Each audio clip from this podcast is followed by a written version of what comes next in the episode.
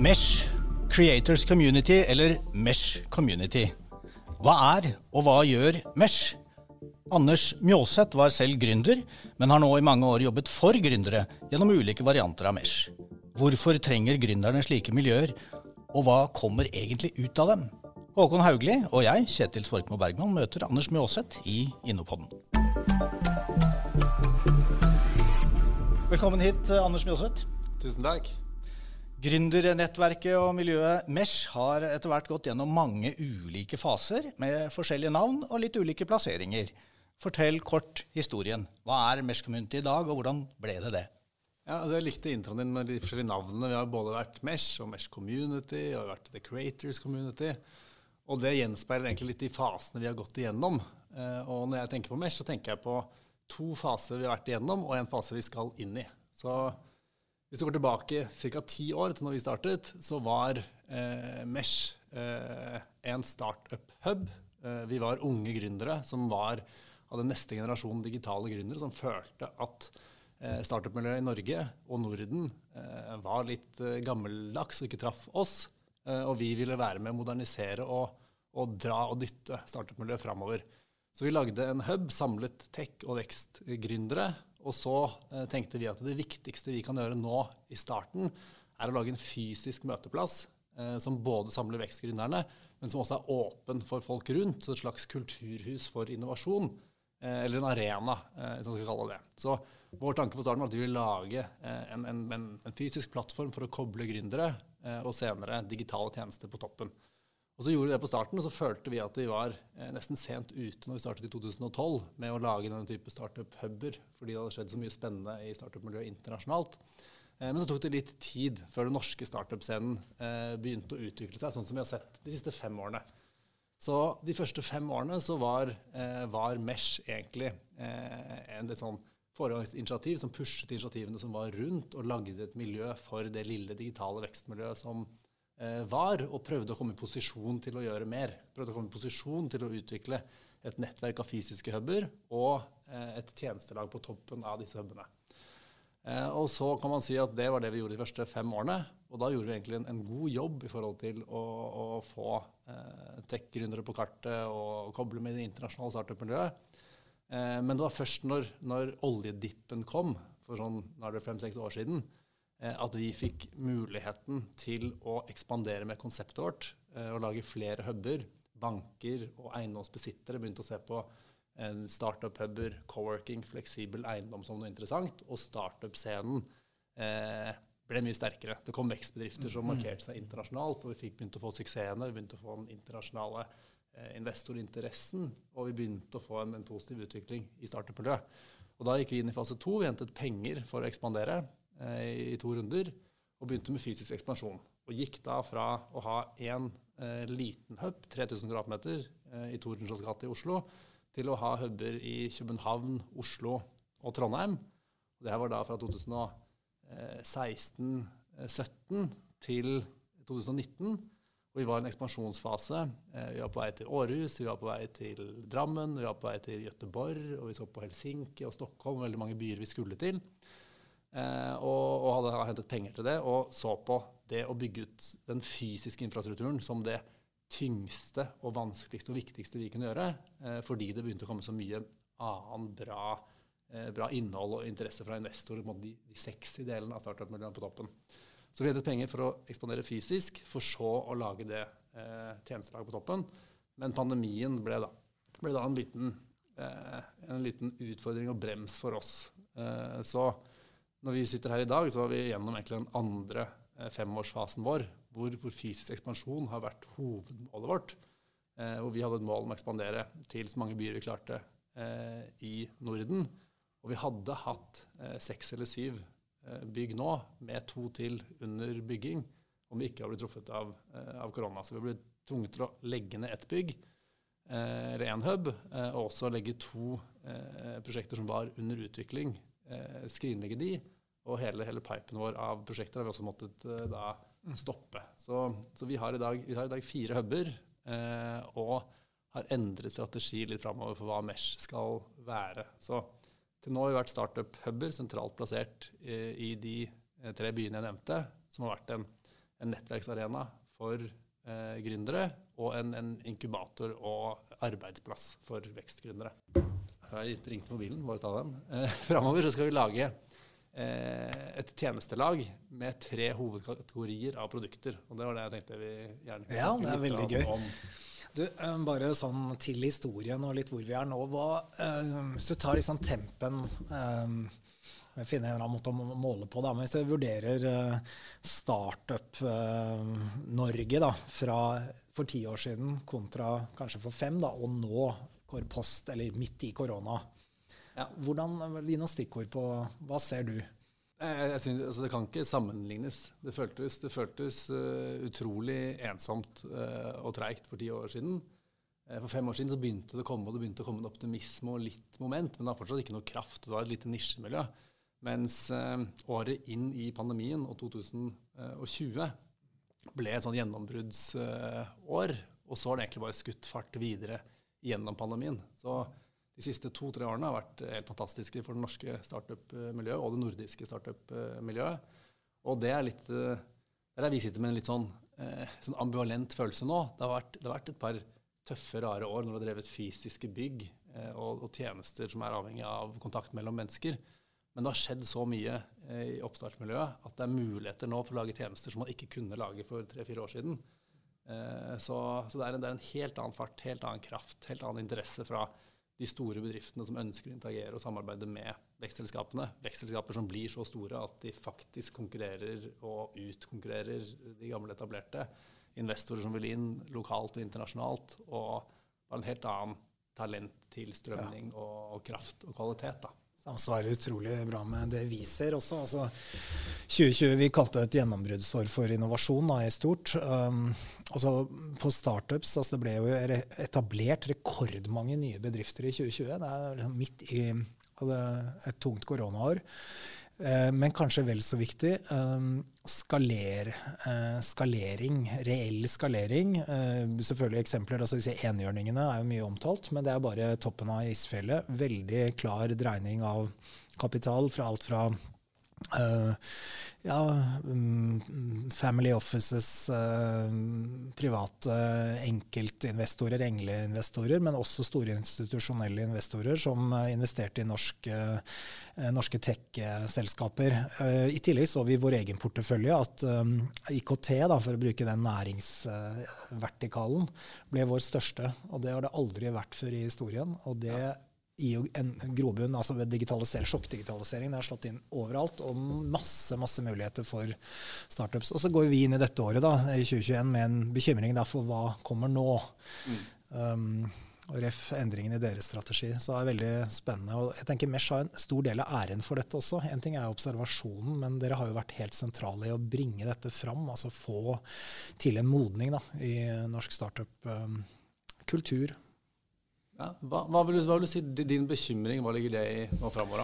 Ja, det er jo noen drivere som gjør at bl.a. når det gjelder kapitaltilgang, så er jo et lavt rentenivå har vært en utrolig viktig driver for at, eh, at um, private har tatt større risiko og sånn sett både gått på børs og, og gjort uh, investeringer. Så der er det jo sånn usikkert nå hva skjer med rentenivået. Så det er liksom én, altså om ikke det er bekymring, det er i hvert fall en si, fotnote da, til det vi snakker om nå. Uh, noe annet er jo altså, u, altså Store deler av etablert uh, norsk næringsliv har nok en uh, litt avventende holdning nå. Hva skjer med deres markeder, deres kunder? Det igjen vil slå inn på oppstartsselskapene, fordi det gjør det mer krevende å få de første kundene, særlig da i, i næringslivet. Og vi har en offentlig sektor som jo er veldig, veldig presset på mange områder, med både pandemihåndtering og annet, som gjør at jeg tror rommet for å drive innovasjon da, i offentlig sektor også er noe mindre enn man kunne ønske seg. Og samtidig, så når jeg sier alt dette, så skjer det utrolig mye bra, og det går raskere enn vi kunne forvente på noen områder. Så jeg er litt sånn vi, vi, eh, vi avventer jo ikke. altså Vi er i full sving med å gjøre de tingene vi skal, men uh, Min, min holdning er at det har etablert seg på et helt nytt nivå. Så om ja. det så er liksom noen makrotrender som gjør at det vil, vil sakke ned litt, så ja, tror jeg vi er, er, på et helt nytt nivå. Jeg er enig og. Da, da, er det Det er dette, det er dette startup-økosystemet jeg drømte om for ti år siden, når jeg Ja, eh, solgte min første bedrift og, og hadde hatt noen ensomme år som gründer og måtte på en måte ta hvert steg selv. Nå er det, nå er det på, på hvert nivå du må ta som gründer, så er det noen eh, ressurspersoner eller muligheter for å hente penger eller kunder. Altså det er, er de, de stegene er mulig å ta med hjelp, istedenfor å ta alle eh, selv i en litt sånn ensom eh, gange. da. Ja, jeg vil, men, ja. Si litt grann om det, fordi dere tilbyr jo altså lokaler, lekre, kule lokaler med sentral plassering. Ja. Eh, og så har dere en del tjenester og aktiviteter i tillegg. Men, men hvorfor er det så viktig med fysiske lokaler nå? Eh, når Ja. så mange jobber hjemmefra, eller de, de jobber andre steder. Og veldig mange av de gründerne dere jobber med, er, er tech-gründere, som jo per definisjon er digitale. Nei, altså, Hoved, hovedverdien Mesh har levert på til nå, er to ting. Det ene er veldig lett å forstå, og det måte mange ser direkte. Det er eh, det fysiske eh, kontoret, og det er den nest største kostnaden for de fleste oppstartsbedriftene. Så det er, det er en enkel ting å skjønne, og vi har tatt ut risikoen i å ha fleksible eh, kontorer. Eh, men den, den andre og enda mye viktigere biten er eh, nettverk. Og det er, det er noe som nesten alle gründere, særlig eh, uerfarne gründere, undervurderer. Så det å ha bidratt til å koble eh, startup-nettverkene i Norge og være en, en måte, hovedarena for det moderne startup-miljøet, det har vært noe av det viktigste vi har gjort til nå. Eh, og så har vi hatt masse andre tjenester. Vi har, vi har hatt eh, masse WC-er for som medlemmer, gjort koblinger mot dem, mot medlemmene våre. Vi har hatt advokattjenester osv., osv., osv., eventprogrammer osv. Men det vi eh, har fokusert på, er nettverk og space som produkter overfor gründere. Og så har vi hele tiden tenkt at på starten så var det riktig å gjøre litt av alt og bidra sterkt politisk og, og holde på med funding, kobling osv. Mens for tre-fire-fem år siden så ble det stort nok og proft nok at man burde fokusere litt sterkere på litt færre ting, og la eh, andre komme inn og, og, og på en måte lage ambisiøse eh, konsepter innenfor sine områder, sånn som f.eks. Antler. Og du har initiativer som Slush i, i Finland som har blitt store og, og kraftige. Eh, men det vi ser nå, er at nå har, nå har det skjedd så mye i startup-scenen at nå ønsker vi å eh, på en måte double down litt og velge noen flere områder som vi satser på. Så for oss nå så er, er space og nettverk fortsatt hovedsatsingsområder, men vi legger til to til, eh, og det er eh, rekruttering og finansiering, som er kanskje de to viktigste generelle eh, tjenestene som alle gründere har behov for. Alle ambisiøse gründere må ansette og vokse, eh, og man trenger finansiering på en eller annen måte i en eller mange faser. Så på begge disse områdene her har vi, eh, har vi eh, planer og har brukt tiden gjennom, eh, gjennom korona på å sitte og vente på at korona skal bli ferdig, for å få muligheten til å gripe alle disse spennende mulighetene som har kommet. Eh, og eh, faktisk så har vi jo nå akkurat da lansert eh, at vi eh, slår oss sammen Startup Matcher, som er den ledende eh, jobs-portalen for startups eh, i Norge, som også er aktive i Norden, og satser gjennom det på rekruttering. Så det blir den første på en måte, offisielle delen vi gjør med den nye strategien, hvor det er space, nettverk, rekruttering og finansiering. Gratulerer. Så takk. Og så har vi noen, noen planer rundt hva vi har lyst til å gjøre innenfor eh, finansiering på litt sikt også. Så spennende. Så Det er de fire områdene vi skal satse på framover. Så vi skal fortsette å ekspandere og lage et nettverk av fysiske huber i de største byene i Norden. Eh, og vi skal lage verdifulle eh, nettverk for norske vekstgründere og investorer og engleinvestorer. investorer. og så er det rekruttering som er hovedfokuset vårt nå, eh, og finansiering som er neste vi kommer til å gjøre noe spennende på. da. Mm. Det blir spennende å følge. Den siste er jo, har jo vi også aksjer inn i finansiering, og er opptatt av at det skal funke bra. da. Um, Ja, Håkon, eh, Ja. Innovasjon Norge er jo statens verktøy for å hjelpe gründerne. ja. Hva er Mesh? Er de en, er de en konkurrent, eller er de, sånn, er de en flue i suppa? Eller, eh, eller er de en samarbeidspartner og noe som styrker fellesskapet? ja, det er, jeg føler var et retorisk spørsmål, men det er åpenbart ikke de to første. Eh, nei, eh, vår rolle er jo å bidra til både rammebetingelser, da, som gjør at det er mulig å drive med, med oppstartsvirksomhet og, og vokse i Norge, og direkte bidrag til bedriftene. Men vi er jo overhodet ikke noe konkurrent med Mesh og tilsvarende uh, initiativer. Og det finnes jo andre modeller. altså mange ulike modeller for å drive den type si, privat um, aktivitet, og det er bare positivt. Altså jeg vil si 150% positivt. Og vi har ingen uh, opplevelse av at det konkurrerer med det vi gjør. Iblant så kan det kanskje være sånn at en enkeltbedrift kan, eller en gründer da, kan synes det er litt krevende å navigere i dette landskapet, men der erfarer vi jo også at det er jo nettopp Mesh og andre aktører som bidrar til å gi den type navigeringshjelp som er nødvendig. Så jeg tror det er veldig viktig for forståelsen av eh, vårt samspill. Og så er også Mesh, da, og det er også koronadrevet, en, en, kunde av Innovasjon Norge. Vi har kunnet bidra med noe eh, si, krisefinansiering for å sørge for at den eh, viktige infrastrukturen har kunnet være, i alle fall i eh, stor grad, da, i behold eh, gjennom og forhåpentligvis etter koronapandemien. Så her er det et, det er et veldig nært og tett, vil jeg si, samarbeid som eh, både kan videreutvikles og styrkes, men som er kjempeviktig.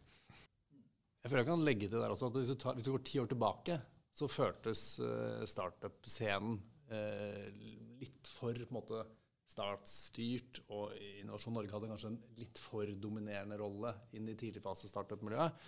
Og så har det vært en, liksom, en, en, en balansering i at det har kommet flere private initiativ som oss, og så har vi vært, eh, vært små og prøvd å finne liksom, beina våre en del år.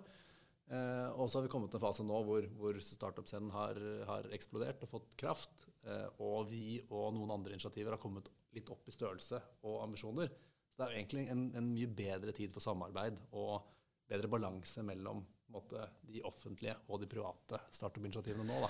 Altså Vår rolle som Innovasjon Norge er jo veldig stor grad å fikse det som ikke funker. Da. Så, sånn så kan du si, og Jeg tror aldri vi kommer dit, men om vi blir overflødige, så er jo egentlig det veldig bra. For da er Norge der Norge bør være.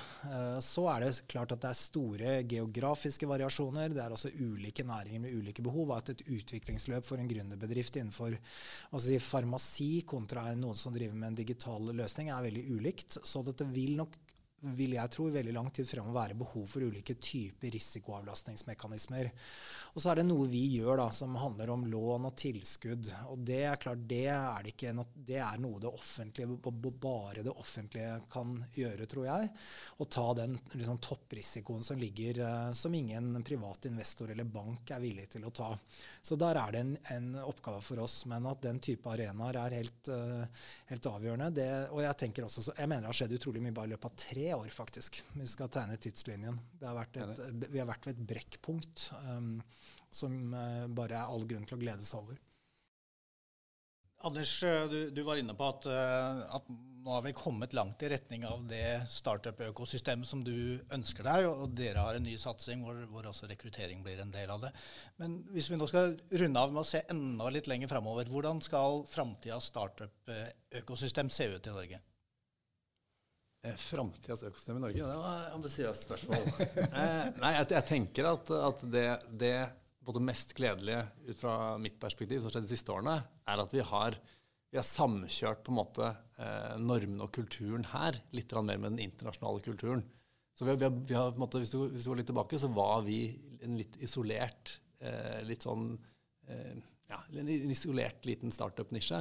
Nå vi, begynner vi å bli en del av det internasjonale miljøet. Og det er de bevegelsene og det at vi faktisk kan begynne å måtte, attrahere internasjonalt talent og bli en, en, hub som tiltrekker seg eh, det internasjonale startup-miljøet hit, det tror jeg er noe vi burde på en måte eh, satse mot og for. Vi har gått fra å være en, en, en uinteressant eh, startup-region for det internasjonale startup-miljøet til å nå være eh, oppdaget og spennende med, med, med, kraft. Og vi har på en måte eh, kommet et, et, et godt stykke.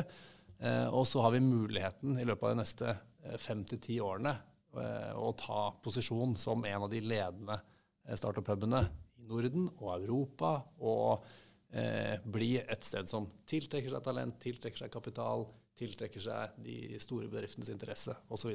Og dette trenger vi. En ting er jo at um, det er mulig, og det er veldig bra, men dette er jo også helt avgjørende for Norge framover. Trenger mange flere oppstartsbedrifter. Og vi trenger mange flere som vokser, og som tar internasjonale markedsandeler, og som utvikler det næringslivet vi skal leve av fremover. Så denne aktiviteten er ikke blitt noe mindre viktig nå. Jeg vil si snarere tvert imot. Altså det, de grønne, digitale, internasjonalt orienterte gründerne, de trenger vi mange av, og derfor er den jobben Mesh og andre gjør, så utrolig viktig. Og det må vi kunne si at det er en eh, optimistisk eh, start på året 2022. Vi runder av der. Takk til eh, Anders Mjåseth fra Mesh og til Håkon Haugli.